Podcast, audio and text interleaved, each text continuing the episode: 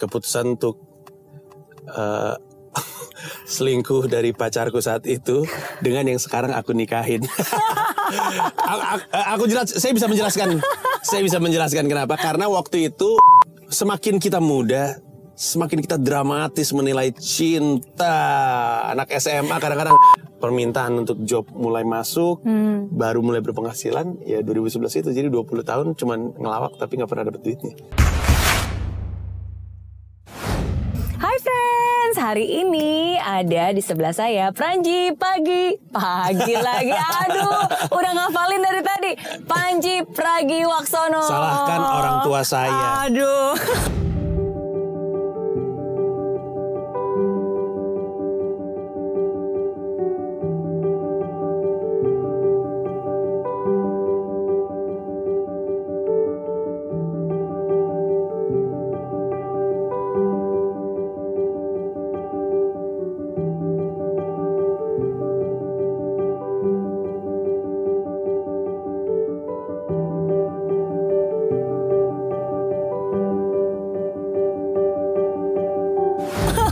Menciptakan nama terlalu ribet. Tadinya namanya aku harusnya Glenn. Yang benar Iya karena lahir di Glen Eagle Hospital. Oh Iya benar, aku lahir di Singapura, ayah masih kerja di situ. Lahirnya di Glen Eagle Hospital, terus udah gitu ayah lama banget kepikiran nama. Ah-ah. Terus kata ibu, namanya Glenn, Glenn aja lah. Glen Eagle gitu. Iya Terus ayah kan sangat Jawani gitu, jadi kayaknya Glenn kurang Jawa gitu buat dia. Akhirnya Panji Pragiwaksono. Sebenarnya lebih panjang lagi, Panji Pragiwaksono Wong Soyudo. Wong Soyudo Oke ribet. Tapi itu punya makna Aku baca Ya. Panji Pragiwaksono Pragiwaksono itu kan artinya kebijaksanaan Iya betul. Bener nggak? Itu sih kayaknya karang-karangan ayah deh. Kalau Wicaksono bijaksana kan masih masuk akal ya. Iya iya Tapi siapa coba yang bilang Pragiwaksono tuh kebijaksanaan? Kayaknya ayah aja almarhum tuh bisa-bisa. Emang nggak ngerasa bijak? Tidak, tidak ada kebijaksanaan dari saya. Saya sembarangan mulutnya. Oke, jadi salah satu uh, orang sukses itu ciri khasnya adalah selalu rendah hati, benar gak? Eh, aku mungkin lebih ke minder sih. Oke, anyway, ntar hari ini kita ngobrol-ngobrol ya, Ya. karena um, sebenarnya konten ini salah satu konten baru di YouTube aku, Hmm. Zero to Hero. Karena kan kalau orang biasanya pengennya ngelihat cerita sukses, pengennya ngelihat orang sukses, tapi kan kita semua tahu di balik semua sukses itu kan pasti ada jatuh bangunnya, Hmm. ada susahnya, ada sedihnya.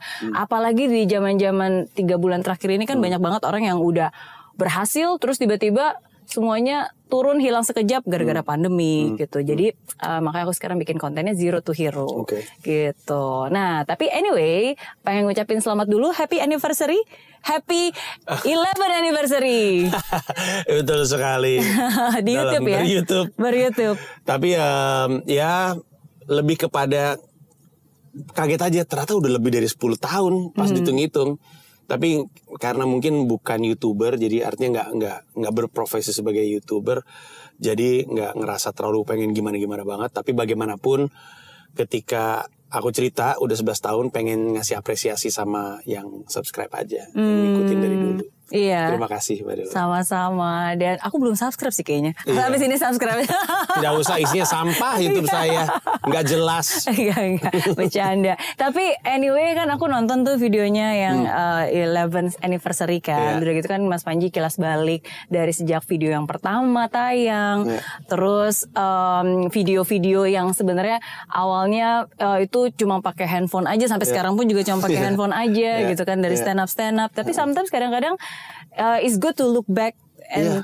apa mengingat kembali apa yang sudah pernah kita lalui ya. Betul, setuju. Setuju karena kadang-kadang jadi jadi punya konteks terhadap hari ininya gitu. Kayak hari ini kadang-kadang kita suka nggak gitu sadar betapa ini tuh kemewahan yang kita lagi alamin saat ini. Kalau kita bandingin dengan yang di belakang gitu. Jadi kadang-kadang ngelihat ke belakang, ngelihat apa yang udah kita laluin, apa yang udah pernah kita lakukan, itu membantu kita ngerasa lebih bersyukur sih Hmm. sama hari ini. Kalau ngeliat ke belakang apa yang paling diingat, yang paling berkesan? Dalam hidup Iya. eh, keputusan untuk eh, selingkuh dari pacarku saat itu dengan yang sekarang aku nikahin.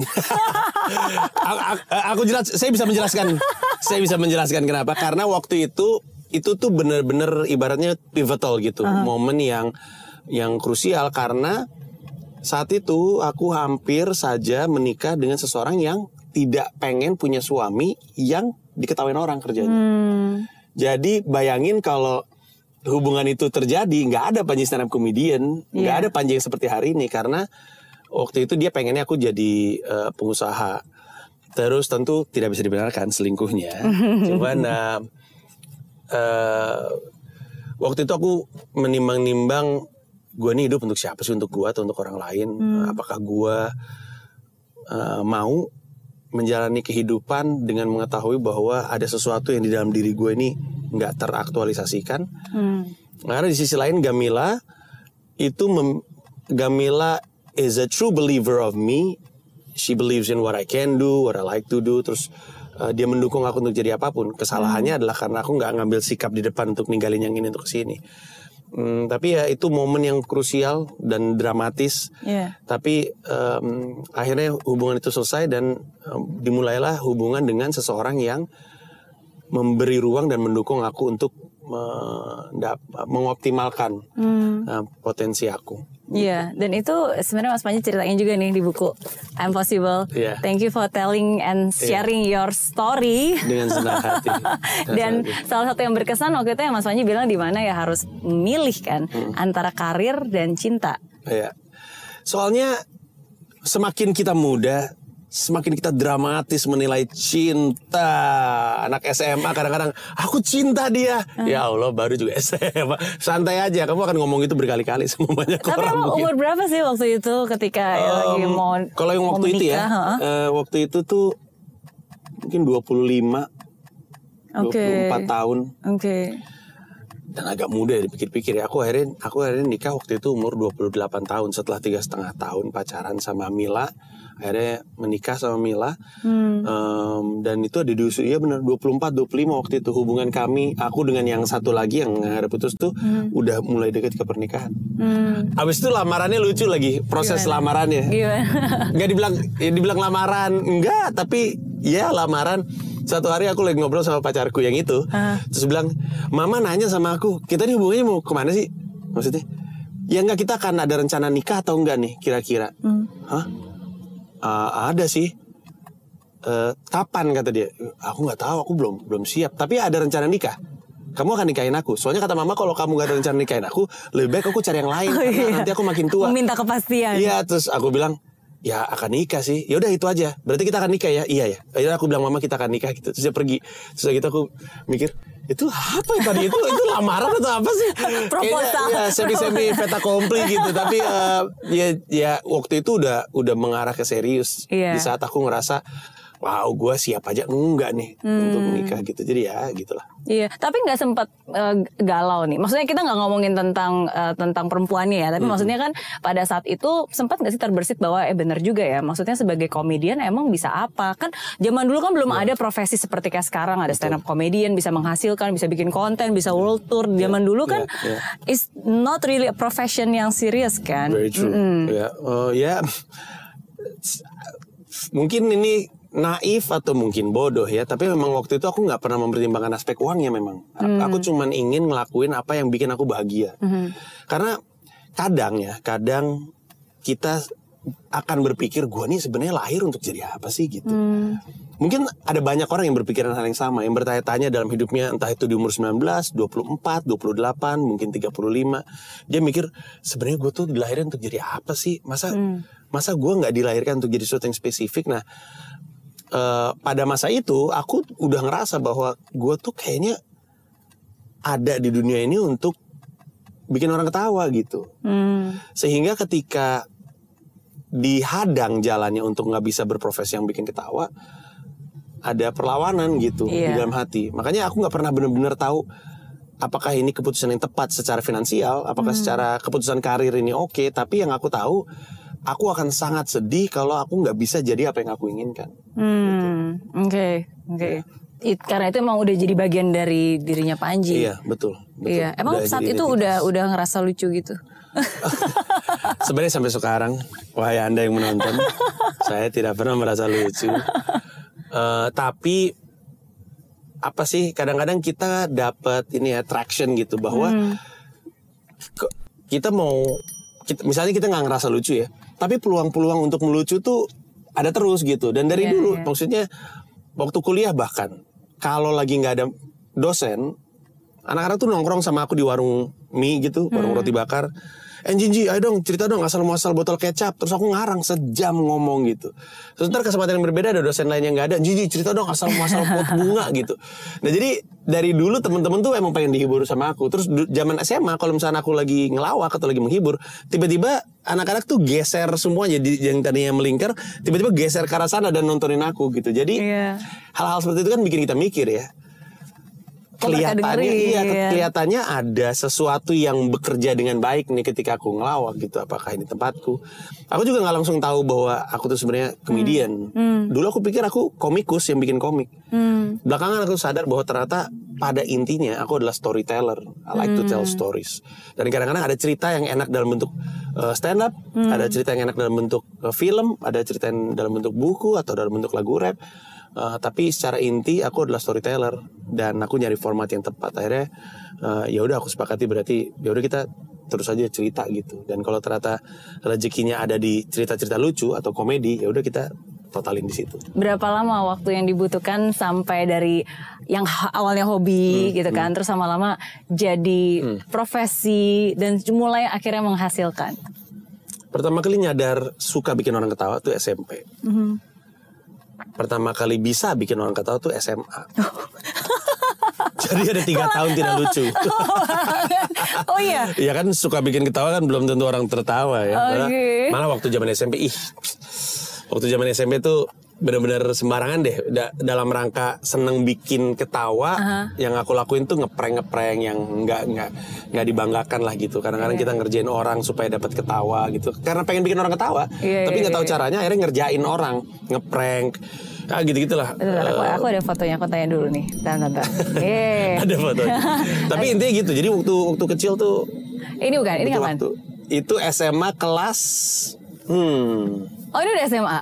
Itu SMA tapi kayak anak Oh, SMP kan iya. waktu SMP aku kayak anak SD Yang benar. dulu tuh aku kecil makanya teman-teman juga bingung sih Panji kenapa tiba-tiba gede gini Oh, Ini, ini, ini. itu SMA kelas 3 SMA, wow, aku pikir SMP loh ini loh. Sorry, ini ini kelas 2 apa kelas 3? kelas 3, ini kelas 3. Oh iya. Sekitar segitu lah, SMA sekitar, ya. sekitar segitu. Pokoknya SMA, SMA, ya pasti SMA. Oke, Mm-mm. oke. Yang di kiri itu namanya Leirisa. Yang mana? Eh, Ini? Yang yang ini nih. Ini? Cowok itu Oh. cowok paling ganteng lah di SMA Gonzaga waktu itu. Gonzaga. Apa kabar Le kalau Anda menyaksikan? Eh, Le itu cowok ganteng lah. Eh, Yang ini? Itu anak kelas satunya, aku nggak kenal sih. Nggak kenal siapa. Nggak kenal. Oke. Oke. Ya, tapi ya gitu. em, berarti apa? Dari SMP senang bikin orang ketawa sampai pertama kali buka bikin pertunjukan tuh 2011. Berarti apa? S- 91 ke 2011? Hmm, Berapa tuh aku nggak bisa ngitung. lumayan 91 ke 2011. Iya, dua- Berarti dua- 20, tahun. Iya, 20 tahun. Iya. 91 kan mulai senang bikin orang ketawa. Mulai bener-bener penghasilan 2011. Loh, terus berarti selama 20 tahun ya udah ngelawak-ngelawak aja nggak pernah bener-bener karena eh, aku tahu stand up komedi tahun 2000 Hmm. mungkin 2000 waduh berapa ya? Hmm, 6 2000 2006 aku tahu stand up komedi tapi nggak pernah kepikiran jadi stand up komedian. Hmm. dan juga nggak kepikiran jadi pelawak karena kalau untuk jadi pelawak saat itu kan grup ya. Jadi aku mesti nyari dua orang lagi yang selera humornya sama terus mesti ikut lomba. Jadi nggak kepikiran untuk jadi stand up komedian. Makanya tempatku ruang aku adalah siaran radio karena siaran Oke. radio aku bisa bikin orang ketawa gitu. Oke. baru ketika aku mulai nyoba eh, tahun 2010 mulai nyoba-nyoba stand up di konser rapnya aku Eh, dan ternyata kena akhirnya mulai tuh ketika ada konser amal aku nawarin diri eh, boleh nggak gue stand up gitu.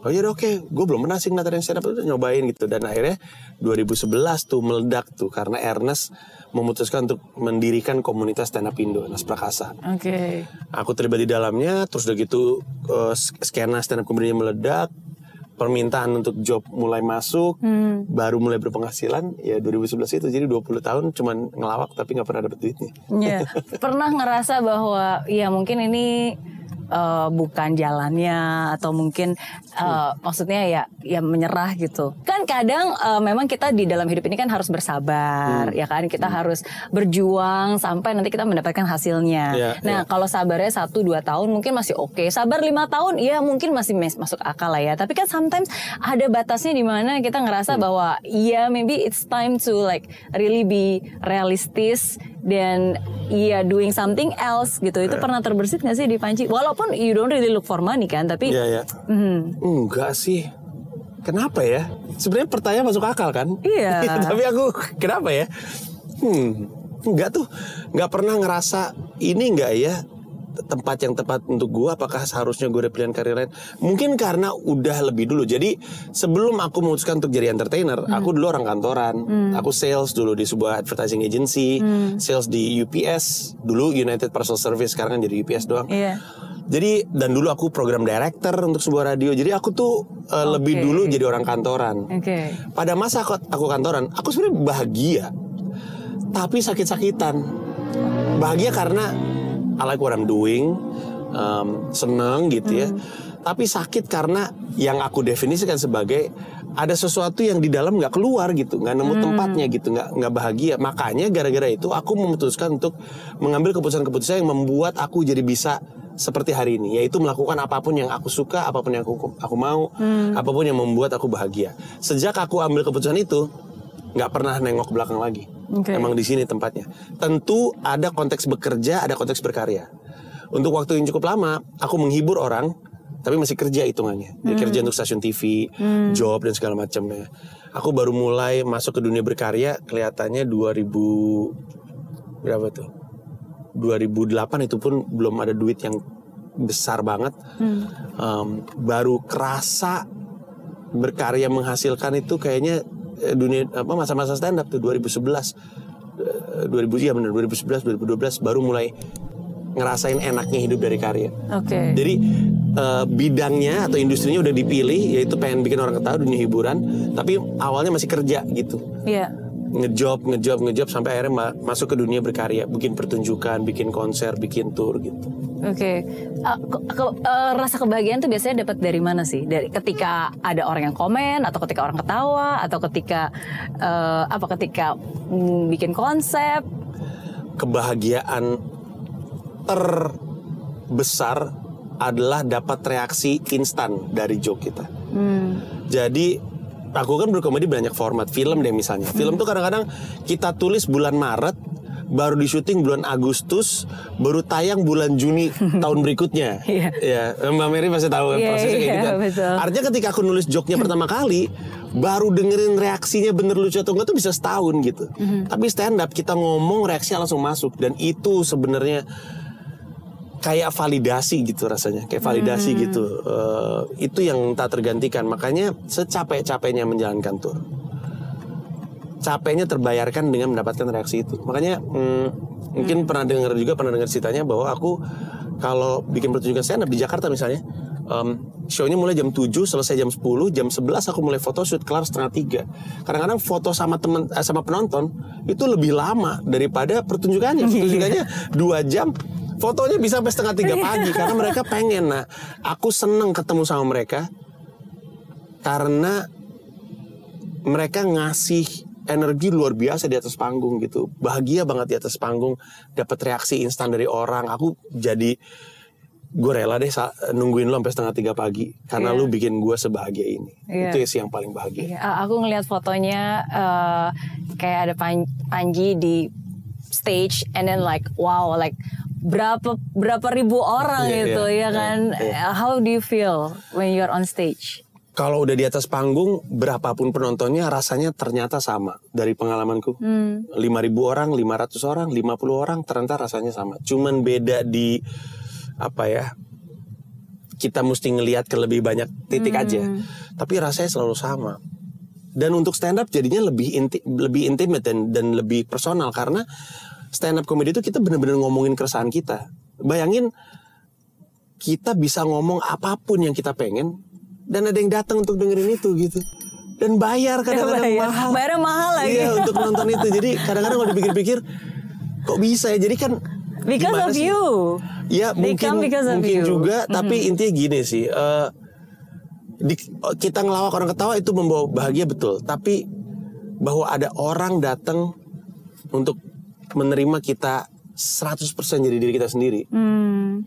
Itu kayaknya berharga sekali gitu karena di dunia di dunia ini kadang-kadang kita nggak benar-benar bisa jadi kita sendiri Iya. kita mesti mengakomodir kebutuhan masyarakat mesti em, apa berkompromi dengan maunya masyarakat tapi Hmm. di stand up comedy orang justru pengen kita ngelihat eh pengen ngelihat kita jadi diri kita sendiri Walaupun dengan, walaupun itu. dengan menjadi diri sendiri sesuai dengan pemikiran kita kadang-kadang kan banyak Ya. juga orang yang Ya. ah, maksudnya itu beresiko kan Betul, sometimes benar betul, nggak? Because we betul. are not a people pleaser. Betul sekali. Dan eh, apalagi stand up comedian ya kita nulis joke bukan untuk mereka.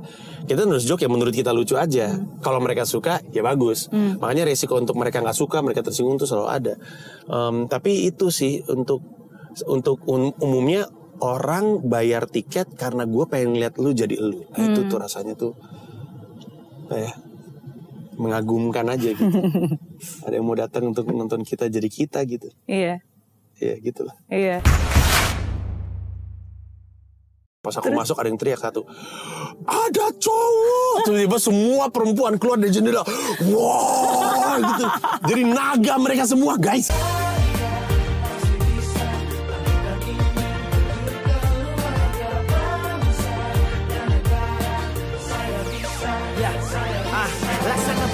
tanpa hujan, hidup tanpa tujuan, kering dan mati tanpa hijaunya tumbuhan. Ah, demikian kalau mimpi tak kunjung terjadi.